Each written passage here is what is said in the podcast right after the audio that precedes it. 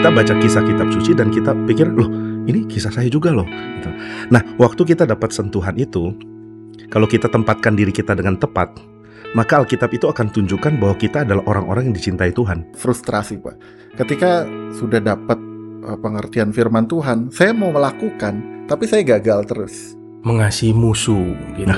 nah itu Pak, itu kan hal-hal yang kita tidak temukan nih. Tampar pipi kiri, pipi kanan ini gimana tuh Pak? Gimana? Kadang-kadang sedalam apa perlu kita perlu mengaplikasikan Pak? Saya merasa Morning Coffee kali ini ada dua penyerang.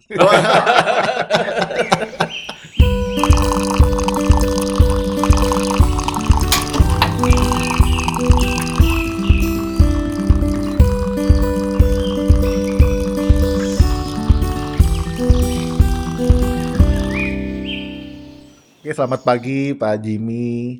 Pagi Pak. Selamat pagi Pak Pauri. Pagi Ini pagi ini seperti biasa kita ngobrol-ngobrol lagi.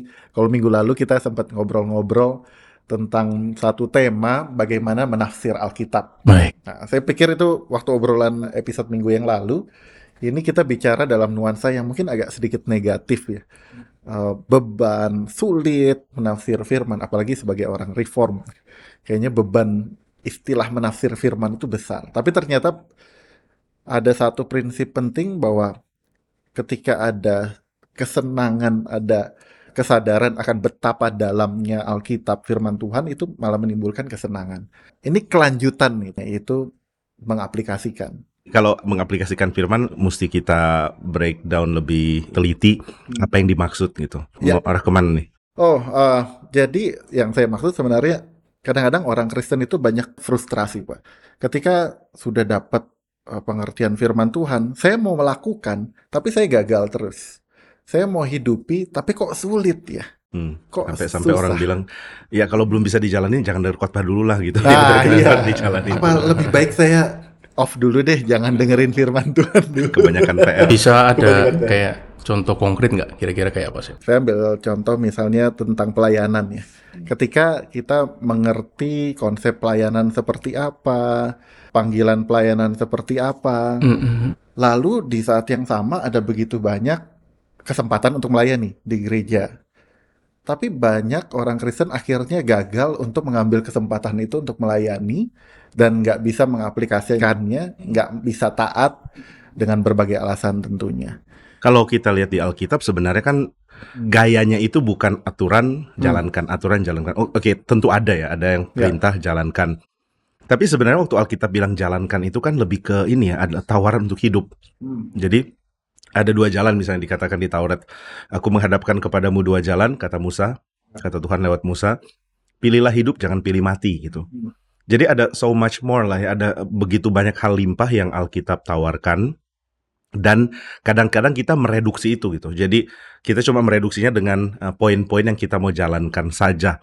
Hmm. Sudah dengar khotbah, kita bikin catatan. Misalnya poin pertama saya harus apa, Ya. poin kedua harus apa, tiga harus apa. Tapi kayaknya aplikasi kalau di dalam pengertian Alkitab itu lebih besar dari itu. Gitu. Jadi misalnya mendapat kesan itu juga aplikasi sebenarnya. Hmm. Ketika dikatakan kasihlah Tuhan itu kan aplikasi. Oke. Termasuk ketika kita menikmati, mengerti firman pun itu bagian dari aplikasi. Apakah begitu maksudnya? Bisa dibilang begitu gitu. Jadi aplikasinya lebih luas. Tentu Ya. saya nggak bilang menjalankan secara tindakan itu nggak penting, bukan. Ya. Cuma ada hal-hal lain yang juga kita bisa perhatikan sih gitu. Sebelum kita mengaplikasikan, kita harus kembali kepada kita mempelajari Alkitab itu sebagai apa. Hmm. Seperti kita belajar matematika, kita belajar fisika. Nah, Ya. Alkitab ini kita posisikan sebagai buku kuno kah gitu. Hmm. Nah, kita berangkat dari 2 Timotius 3 ayat 16 bahwa Ya. ini adalah tulisan yang bukan cuma diilhamkan tapi dinafaskan oleh Tuhan. Berarti ini perkataan dari Tuhan sendiri nih. Hmm. Ini adalah perkataan yang Tuhan mau kita lakukan nih. Ya. Jadi seperti tadi Bapak uh, Jimmy katakan ini adalah perkataan hidup. Ya, Hmm. kalau kita mau melakukan ini ya kita sebenarnya memperoleh keuntungan di situ. Hmm. Ya, ya. Jadi lebih lihat ke aplikasi adalah sesuatu yang sebenarnya baik buat kita gitu ya, bukan Hmm. sesuatu syarat yang mau nggak mau harus kita penuhi demi dapat sesuatu yang lain gitu ya. Ya, dan ini aplikasinya juga kita dalam rangka taat kepada siapa? Ya, ini taat kepada Tuhan. Saya bayangkan ilustrasinya seperti seorang anak muda yang sedang jatuh cinta, lalu dapat WhatsApp dari pacarnya misalnya. Sayang jemput aku dong, anterin aku ke sini gitu. Oh iya, saya langsung jalan ya gitu. Tapi besokan harinya kalau mungkin mamanya atau papanya minta anter, Mhm. aduh ma aku lagi sibuk gitu, lagi ada kerjaan gitu. Ini beda kadang-kadang, kadang-kadang ya meskipun nggak nggak semua pemuda seperti itu. Iya. Tapi Cuma Pak Sam kali ya. Ya, mungkin cuma saya, mungkin cuma saya.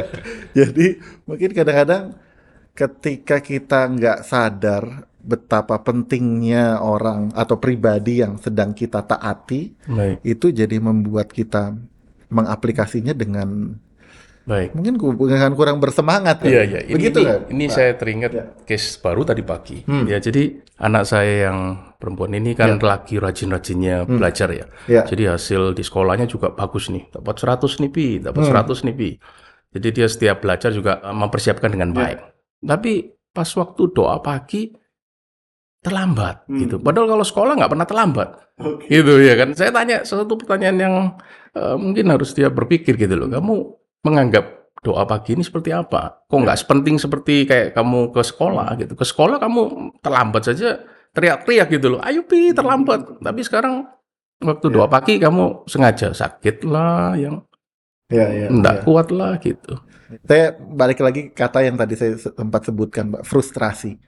Kadang-kadang itu keinginan menjalankan ada, pengertian ada, Hmm. tapi Kemampuan nggak gagal. ada. Nah, apakah itu karena kemampuan nggak ada atau atau apa Pak Jimmy? Sebenarnya sebagai orang Kristen, apalagi yang yang kita perlu cari untuk bisa benar-benar mengaplikasikan Firman Tuhan. Boosternya gitu ya Booster, kira-kira ya. nah, itu. itu. Pak.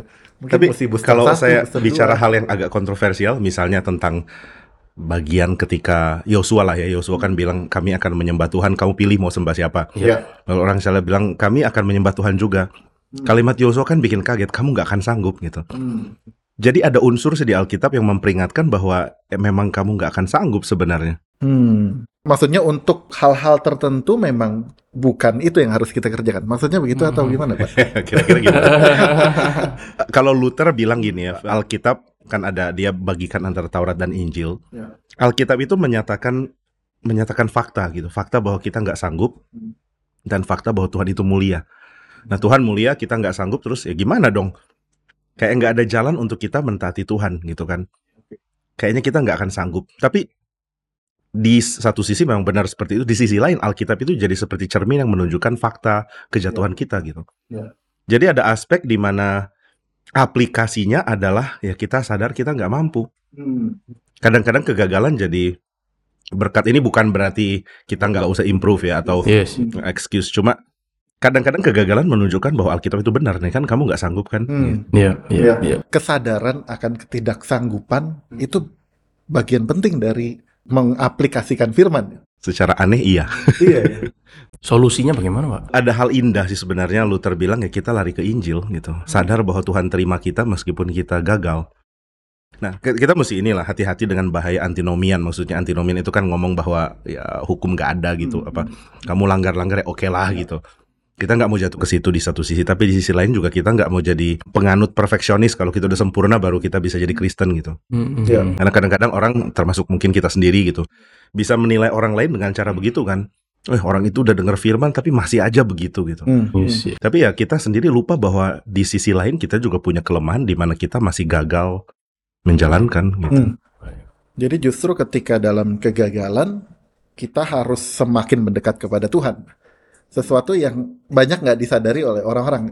Ketika gagal justru pengennya, aduh saya nggak layak ketemu dengan Tuhan. Saya nggak layak pergi ke gereja, saya jangan deh. Karena saya gagal terus, saya gagal terus. Saya tidak sesuci Pak Pauri atau Pak Jimmy, saya gagal. Apa lu lebih kelihatan suci? Nah, itu terjadi, Pak. Dan saya ingat saya pun juga beberapa kali pernah merasakan hal seperti godaan untuk merasa nggak layak, malah justru Guilty jatuh, feeling gitu ya. guilty feeling jatuh ke ekstrim yang satu Lain, lagi. ya. Dan itu membuat saya ya. Itu suara Roh Kudus atau Roh Setan? ya?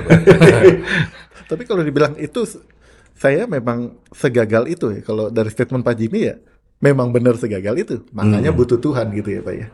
itu benar tapi juga memang saya segagal ini dan Hmm. ya, Tuhan tetap mengasihi saya loh. Hmm. Gitu. Jadi Ya.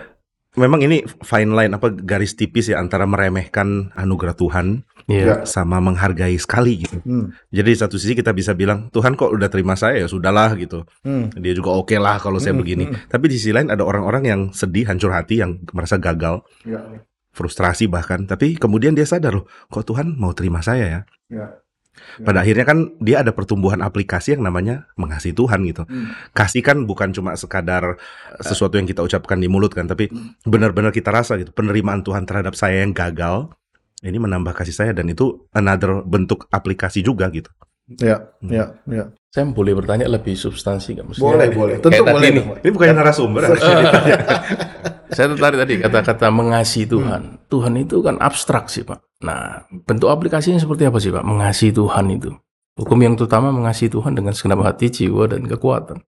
Pastinya kita nggak bisa pisahkan dengan kasih kepada sesama kan karena dua itu terkait.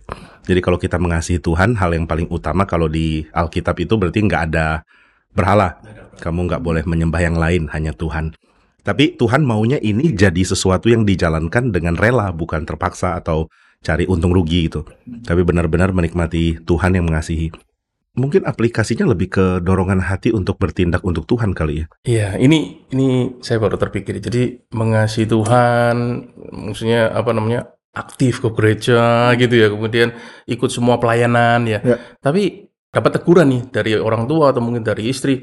Kamu rajin pelayanan, tapi rumah nggak diurus nih, gitu. Anak-anak nggak diperhatiin nih. Kemudian orang tua juga nggak disayang nih. Kamu ngelayanin Tuhan atau ngelayanin siapa? Nah, gitu. Bang. Saya pernah dengar khotbah dari rekan saya pendeta Ivan Raharjo. Dia mengingatkan kita bahwa nggak mengasihi itu sama dengan males. Nggak Hmm. mengasihi itu males. Jadi mengasihi atau males gitu, Eh, dosa kemalasan gitu kan. Kemalasan berarti saya tidak mau pikul salib untuk mengasihi. Nah ada orang-orang mungkin nyaman pelayanan di gereja karena ketemu orang-orang yang seru-seru gitu, misalnya Hmm. kayak Pak Pauri atau Pak Sam gitu ya. Tapi di rumah sering ribut misalnya, kurang cocok sama orang tua. Iya. Akhirnya merasa, wah saya lebih baik pelayanan di gereja. Dan ini kan kayak ada excuse rohani Es- gitu. escape Tapi ya, sebenarnya Pak. ini lari dari keharusan mencintai. Ini kalau kasusnya adalah di rumah kurang bagus gitu ya. Gitu. Itu salah satu uh, bentuk teguran juga berarti kan kita harusnya sih mau tekun pikul salib untuk mengasihi orang yang lebih sulit untuk kita kasihi di rumah gitu. Iya. Ada hal lain lagi seperti mengasihi musuh gitu. Nah, itu Pak. Itu kan hal-hal yang kita tidak temukan nih di dunia atau di ajaran-ajaran mungkin Kadang-kadang nggak logis sih. Perintah-perintah ini nggak salah. Tampar pipi kiri, beri Kasih pipi pipi. kanan. Ini, oh ini alegori mungkin ini. Ini nggak perlu diaplikasikan. Nah itu gimana tuh Pak? Kadang-kadang sedalam apa perlu kita perlu mengaplikasikan? Pak? Saya merasa Morning Coffee kali ini ada dua penyerang. Iya, kita CS Berarti Pak. perlu perlu kopi lebih banyak ya. Iya. Saya ini pernah dengar tafsiran bahwa kalau kita ditampar satu pipi berikan pipi yang lain, itu adalah gesture memberi pipi untuk dicium. Bukan memberi pipi untuk dipukul lagi gitu. Jadi kamu pukul saya, tapi saya mengajak berdamai gitu. Jadi kayaknya ini aplikasi yang meskipun berat, ya mesti kita belajar lakukan sih. Ya. Karena mengasihi musuh kan sesuatu yang real. Kita nggak mengasihi musuh yang abstrak. Kita nggak ngumpul di sini dan bilang, saya mau belajar mengasihi Nazi misalnya, karena kita nggak bersentuhan dengan mereka. Tapi ya orang yang benar-benar menyakiti kita, entah menampar pipi atau melukai harga diri atau apa. Nah ini berarti kan tindakan mengasihi adalah ada gesture apa ya, menawarkan perdamaian lebih dulu. Itu kayaknya tindakan praktisnya gitu untuk mengasihi. Ini dari penjelasan ini saya menangkap ada kaitan yang erat antara mengerti firman sama mengaplikasikan firman nih, Pak. Kalau kita mengerti dengan salah ya mengaplikasikannya juga jadi salah. Atau sebenarnya gimana, Pak? Hubungannya antara mengerti firman dan mengaplikasikan firman. Ya kalau kita melihat dalam sejarah eh, gereja Ya. atau mungkin sejarah bangsa Israel gitu, orang Farisi, orang Saduki bukan tidak mengerti Hmm, firman kan, betul. seperti tadi Pak Jimmy paparkan di mimbar gitu. Jadi mengerti firman tidak sama dengan aplikasi firman. Nah Hmm. ini kira-kira gimana Pak untuk menjembatani supaya apa yang kita ketahui dengan yang kita aplikasikan ini nggak sampai eh, jomplang gitu Pak. ada keindahan sih kalau misalnya kita mengenal Tuhan dengan benar sebagai Allah yang mengampuni dan mengasihi kita. Karena dengan demikian kita punya ekspresi kasih yang sebenarnya itu Hmm. aplikasi yang paling Tuhan Hmm. tuntut kan. Baik. Karena tadi kita sempat diskusi tentang kasihilah Tuhan, kasihilah sesama bahkan Ya. musuh gitu. Nah, ini pasti jadi seimbang dengan cinta kasih yang kita terima dari Tuhan. Hmm. Nah, kalau kita lihat perintah Tuhan itu sebagai syarat untuk kita penuhi, dan akhirnya setelah kita penuhi, kita mendapatkan pembenaran diri. Oh, saya udah berhasil. Justru jadi gagal mengaplikasikan firman ironisnya. Padahal kan kalau eh, contoh dari Pak Pauli tadi tentang orang Farisi misalnya, mereka itu salah satu yang jadi kekuatan kunci untuk Israel sebenarnya di zaman Second Temple bait suci yang kedua ya di eh, Hmm. zaman 200 tahun sebelum Masehi sampai 200 tahun Masehi. Mereka ini orang-orang yang keliling ke rumah-rumah mengajar, jadi benar-benar pahlawan lah gitu. Hmm. Sehingga ketika Tuhan Yesus menyindir mereka bahkan mengatakan celaka itu semua orang kaget. Karena nggak ada yang bisa mengaplikasikan firman sebaik mereka. Mereka itu ekstrim. Tuhan bilang perpuluhan untuk sayuran tertentu, mereka perpuluhan untuk seluruh pendapatan. Jadi extremely lebih mengaplikasikan firman dari yang lain. Nah, pertanyaannya kenapa Tuhan bilang mereka gagal ya? Itu tadi karena mereka lihat ada perintah Tuhan lalu mereka jalankan. Setelah jalankan mereka merasa ada pembenaran, saya bisa, saya sanggup. Sebaliknya kalau orang pemungut cukai kan kalau Tuhan Yesus Iya, benturkan, benturkan di situ. dia nggak bisa memenuhi firman, dia cuma pukul diri dan mengatakan Tuhan kasihani aku orang berdosa gitu. Hmm. Justru ini yang dibenarkan kan anehnya. Gitu. Ya, ya. Menarik mengomentari ini Pak. Ini nyambung sama diskusi sebelumnya juga yang di mana kesadaran akan ketidakmampuan ini sebenarnya hal yang tanda kutip ya penting juga untuk kita eh, akhirnya juga kembali kepada Tuhan dan meminta kekuatan dari Tuhan. Tapi kalau boleh menyinggung soal misalnya di GRI sendiri Pak, di gerakan reform. Ini makin apa ya? Standarnya itu tinggi sekali Pak. Saya kalau kalau boleh sedikit kontroversial Pak kata-katanya, tapi seperti tidak ada celah untuk ketidaksempurnaan Pak atau untuk sesuatu yang yang tidak berkualitas atau tidak berhasil atau kegagalan. Gimana? Atau atau mungkin saya salah mengerti gimana Pak? Ini atau Pak Pauri punya punya pendapat tentang ini Pak? Eh, Aman saya. Ya, berangkat dari kata juga reform ya, Pak Ya. Tong mengusung kata reform ini juga kan kembali kepada firman, kembali kepada Alkitab. Jadi pastinya bukan dengan kekuatan sendiri, Roh Kudus yang memimpin dan di sana ada ada campur tangan Tuhan. Ya, pastinya kita juga uh, orang berdosa yang nggak perfect gitu. Kalau kita melihat standar yang kita lakukan ini masih kurang baik, ya kita dengan satu ketulusan mau buat yang lebih baik, ya itu nggak salah sih Pak ya, sah-sah saja gitu dan kita mengerjanya untuk kemuliaan Tuhan. Tapi kalau saya coba menjadi penafsir Pak Tong ya, menjadi Ya. Stephen Tongis gitu. Orang kan lihat satu sisi di mana Pak Tong sangat menekankan tentang kesempurnaan yang paling baik untuk Tuhan. Ya. Tapi di sisi lain juga Pak Tong itu orang yang mengajarkan kita untuk menerima ketidaksempurnaan. Hmm. Ini ambil contoh ya kalau ada kasus-kasus ada problem di hamba Tuhan atau mahasiswa, lalu mahasiswa itu nggak bisa lanjut karena kesalahannya harus keluar misalnya. Nah Pak Tong ingatkan para dosen, terus nanti siapa yang perhatikan dia? Nanti dia jadi apa? Terus apakah mungkin dia kembali lagi? Kasih waktu dia bertobat, ada yang pantau, lalu ya diterima lagi. Nah hal-hal gini kan berarti dia mengingatkan kita untuk menyadari ketidaksempurnaan orang dan ketidaksempurnaan kita sendiri. Jadi kayaknya sih keseimbangan ini yang orang perlu. Karena kalau enggak ya seperti tadi Pak Sam bilang orang bisa stres. Waduh, Ya. standarnya kok tinggi ya? Saya bisa atau enggak? Iya. Tapi ya again ya eh, anugerah Tuhan lah. Ya. Nggak ada yang salah dengan memberi yang terbaik, tapi membandingkan dengan standar yang kita nggak sanggup untuk penuhi itu juga nggak masuk akal sebenarnya. kadang-kadang apa yang terlihat misalnya di mimbar ataupun di level kulit lah ini kesannya memang sempurna sekali sehingga oh saya nggak cocok di sini gitu tapi ternyata ya kayak tadi Pak Tong sendiri juga meminta untuk ada penggembalaan yang tidak kelihatan sebenarnya. Yang bukan mentolerir dosa atau ketidaksempurnaan tapi justru untuk menguatkan orang-orang yang memang butuh dikuatkan.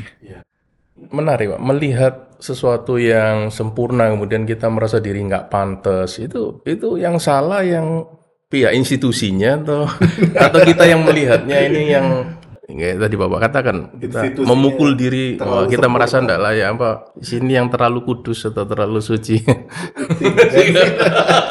Saya ingat ya satu kali ada sharing visi Pak Tong ke mahasiswa, lalu dia cerita tentang dulu ada mahasiswa di saat sebelum Pak Tong selesaikan tugas melayani di saat ya. Ditanya dia baru mau masuk. Tanya apa keahlianmu? Dia bilang keahlian saya khotbah gitu. Hmm. Pak Tong kaget. You pikir keahlianmu khotbah? Iya. Iya, saya mau kayak Pak Tong, ahli khotbah. Pak Tong bilang, saya nggak bisa khotbah. Hmm. Ini bikin mahasiswa itu kaget. Langsung kaget. Terus kan kita tanya, kita kan mahasiswa juga tanya, Pak Tong kalau nggak bisa khotbah, kenapa mau khotbah gitu kan? Dia bilang dorongan. Hmm. Jadi dia nggak merasa dia sanggup khotbah, tapi dorongannya ada gitu. Baik, baik. Saya jadi keinget kayak seorang ibu lah ya merawat anak. Ibu mungkin nggak merasa dia spesialisasi di psikologi anak lah atau ngerti fisik anak, ngerti medis apa kedokteran anak. Tapi kan dia ya akan lakukan gitu. Jadi saya pikir kesadaran kita nggak sanggup, tapi dorongan karena kebutuhan itu eh, bisa berjalan bersama sih. Kita nggak sanggup tapi ada kebutuhan. Kita kurang bisa podcast tapi ada kebutuhan gitu. Termasuk dorongan mengaplikasikan firman. Pak. Hmm. Itu dari mana, Pak? Kalau ada orang yang ya mungkin yang mendengarkan sekarang, kok saya nggak ada dorongan itu ya? Iya, iya, betul. Saya pernah menemui jemaat juga yang berkata seperti itu, Pak. Jadi, Hmm. saya kok nggak bisa seperti teman-teman ya, gitu. Ya, kok bisa semangat gitu. Saya kepingin semangat, tapi kok rasanya nggak bisa sedalam kalian, nah, Hmm. gitu. Kalau kita lihat tadi menafsir kemudian mengaplikasikan ini kan saling berkait. Lalu tadi juga sudah dibahas bahwa mengaplikasikan itu bukan cuma ketika kita sanggup melakukan loh. Ketika kita merasa gagal juga itu bentuk aplikasi karena kita merasa sadar bahwa Alkitab itu benar, Alkitab itu real, bahwa saya diterima Tuhan. Jadi kita bisa tafsirkan bahwa mengaplikasikan Alkitab itu berarti melihat Alkitab itu real dalam hidup kita kan. Hmm. Bukan cuma ada undang-undang kita jalankan gitu, bukan ada aturan kita ikutin, tapi juga ada deskripsi hidup yang ternyata cocok sama saya. Hmm. Saya ingat ada satu cerita waktu saya masih SD ya di perpustakaan kan kita di- diwajibkan pinjam buku gitu. Terus Hmm, saya iya. dapat satu buku novel agak pendek. Novel ini suruh kita untuk lihat diri kita gitu. Jadi ada seorang anak yang pergi sekolah, dipakein baju sama mamanya, terus nunggu bus sekolah datang. Nah di setiap akhir bagian itu dikatakan, apakah kamu juga kayak begini? Kamu pernah mengalami nggak yang dialami oleh anak ini? Nah saya pikir ini bentuk aplikasi juga. Ya. Kita baca kisah kitab suci dan kita pikir, loh ini kisah saya juga loh. Gitu. Nah, waktu kita dapat sentuhan itu, kalau kita tempatkan diri kita dengan tepat, maka Alkitab itu akan tunjukkan bahwa kita adalah orang-orang yang dicintai Tuhan. Baik. Misalnya kalau kita lihat Daud dan Saul gitu kan. Kalau kita kayak Saul ya kita mau cari glory, kita mau cari kemuliaan. Tapi kalau kita kayak Daud ya, Daud cuma bilang saya cuma minta belas kasihan Tuhan gitu. Bisa menikmati Tuhan, berdiam di baitnya. Dan kalau kita ada di situ kan kita akan lihat, ya saya juga mau kayak gitu gitu. Nah waktu kita dapat hal kayak gini, maka semangat untuk jalankan itu pelan-pelan muncul sih. Pelan-pelan mungkin ya nggak langsung meledak atau gimana. Cuma ya melihat diri kita sebagai orang yang dicintai setelah baca Alkitab itu ya melegakan dan menguatkan. Berarti kata kuncinya harus baca Alkitab, sih. Hmm. Kalau nggak baca Alkitab, kita nggak pernah tahu kisah itu, Ya. ya akhirnya Ya. kita nggak akan Ya. bisa bertumbuh di situ. Kita lupa podcast membaca, langsung menafsirkan terus Iya. aplikasi. Betul juga, Pak. Nah, jadi ini bukan satu fase per fase ya, Pak ya. Hmm. Boleh nggak saya bilang begitu? Bukan, oke, sekarang saya sedang fase membaca, minggu depan saya fase menafsirkan, seperti podcast ini misalnya. Lalu Yes. minggu depan kita dalam fase mengaplikasikan. Tapi bahkan ketika kita baca dan merefleksikan pun itu bagian dari mengaplikasikan firman. Aplikasikan. Ya betul pak. Ya, jadi ya ternyata ini jadi harapan ya untuk Iya. banyak orang ya termasuk pribadi saya sendiri bahwa kata-kata mengaplikasikan firman, menghidupi firman memang kita nggak mampu. Itu kesimpulan pertama yang saya dapat nih. Ya, memang kita nggak mampu dan dan karena itu kita butuh Tuhan dan kita belajar mengaplikasi firman bahkan sejak dari kita membacanya dan merenungkannya ya. Baik, baik. Saya melihat apa ya, manusia itu secara natur setelah jatuh dalam dosa tidak ada satu kehendak untuk mencari Allah. Karena memang bukan masalah kehendak juga tapi karena kemampuan nggak ada. Karena secara roh sudah mati. Secara kerohanian sudah mati. Jadi kalau Tuhan tidak celikan nggak mungkin. Nah jadi berangkat dari keinginan kerinduan untuk mau tahu tapi masih belum perfect atau apa itu kan sudah bekal gitu. Ya. nah bekal itu dituangkan di dalam ya aplikasi. Aplikasinya apa? Baca Alkitab. Hmm. Loh, kalau baca Alkitabnya saja ndak, kemudian mau ngerti lebih jauh, kemudian ya mengerti Tuhan nggak mungkin gitu. Nah, dengan baca Roh Kudus bekerja melalui Alkitab mengenal siapa Kristus, dari Kristus mengenal siapa Bapa, dan itu satu comprehends gitu. Ya. Ya, jadi ya ada yang missing di situ ya, Hmm, jadi hmm. di skip. Jadi mau tahu tapi tidak mau kayak kita mengasihi pacar kita atau istri kita tapi setiap dikirimin surat kita buang kan loh kok aku nggak pernah tahu kamu ya karena nggak Ya. pernah baca suratnya gitu Ya. Iya Ya. iya saya ada pertanyaan nih pak yang aplikasi ya pak ya Iya. yang tadi di dalam Matius 6:33 carilah dahulu kerajaan Allah dan Semuanya akan ditambahkan. semuanya itu akan ditambahkan. Kira-kira aplikasinya seperti apa, Pak? Carilah dahulu itu apakah banyak-banyakin pelayanan gitu, ada KKR ikut gitu, PD, PA enggak pernah absen gitu. Kira-kira gimana Itu juga bagus sih. ya itu nggak salah ya, Pak. ya? Iya, Saya senang kalau itu terjadi. Kita lihat eh, tema kerajaan di Matius kan. Kerajaan itu bukan cuma aspek rohani gereja kan, tapi kerajaan itu seluruh sistem hidup kita, bahkan seluruh realita hidup kita gitu, termasuk politik, pemerintah. Nah, yang Tuhan mau adalah kita mengaplikasikan kerajaan Allah. Maksudnya sistem pemerintahan Kristus itu yang kita bawa. Baik. Nah, kita ada di tengah-tengah kondisi politik dari dunia, tapi kita jalanin versi Tuhannya gitu. Hmm. Jadi di dalam hal keadilan, di dalam memperlakukan sesama, ya kita mau pakai yang versi Tuhan punya. Hmm. Nah, apakah versi Tuhan ini kayak minyak dan air dengan dunia? Sebenarnya enggak. Versinya Tuhan ini jauh lebih mungkin untuk diaplikasikan. Andai pemerintah jalankan versinya Kristus untuk memerintah, negara ini akan lebih baik gitu. Nah, sayangnya kan itu nggak terjadi. Tadi Pak Pauli sudah bilang tentang kejatuhan, kita naturnya berdosa, kita cuma menghendaki yang jahat, kita bahkan nggak pengen datang ke Tuhan. Nah, kerajaan Allah kan mengubah ini. Kita diubahkan, kita diterima, kita jadi pembawa terang, jadi orang yang mengasihi dan ini yang Tuhan bilang kalau kamu kerjakan itu, apa yang kamu cari dari dunia ini akan kamu dapat. Karena kan sistem Tuhan jauh lebih baik dari sistem dunia dong. Jadi kalau kita mau damai sejahtera, kita mau hidup limpah, ya jangan pakai cara dunia. Cara dunia, kalau mau kaya gimana? Ya tipu orang gitu kan. Ini nggak bisa. Tuhan mengatakan kalau kamu mau limpah, ya maju bersama-sama gitu. Kamu bawa kelimpahan bagi orang dan akhirnya damai sejahtera dinikmati bersama-sama. Ke situ sih. Saya ingat di Persatuan Kaum Muda ada satu buku yang sedang kita bahas itu The Sacred Search, Pak. Ini mencari pasangan hidup oleh Yang, yang tulis uh, Gary Thomas. Gary Thomas. Gary Thomas. Jadi ada satu ayat yang ditekankan sepanjang bab. Ini sekali lagi tentang menggumulkan pasangan hidup. Itu Matius 6 ayat 33. Jadi bukan bicara soal istri yang baik, suami yang baik, atau mencari sosoknya bagaimana dan seperti apa, tapi ya, prinsip terpenting nomor satu adalah ya, carilah dahulu kerajaan Allah dan semuanya akan ditambahkan kepadamu. Bahkan ada satu statement yang mempertegas oleh Gary Thomas, ya, itu cukup untuk bisa membuat sebuah pernikahan menjadi pernikahan yang menjalankan kehendak Tuhan. Ya, jadi ya kadang-kadang kita mikirnya aplikasi firman terkotak-kotak, we. tapi padahal itu melimpah sekali. Ini saya pikir ini nyambung dengan obrolan kita minggu lalu nih Pak. Ketika kita baca, mengerti, dan kita menyadari betapa dalamnya firman Tuhan, itu melimpah. Dan di saat yang sama kita sedang mengaplikasikan firman. Ya, ini obrolan kopi pagi yang tidak terlalu enteng tapi cukup berat juga. Tapi saya pikir jadi berkat buat kita semua ya, termasuk semoga untuk rekan-rekan teman-teman yang mendengarkan juga. Thank you Pak Jimmy, thank, Thank you you, Pak Jimmy, Thank you, Pak Semi. Oli. Ya, terima kasih.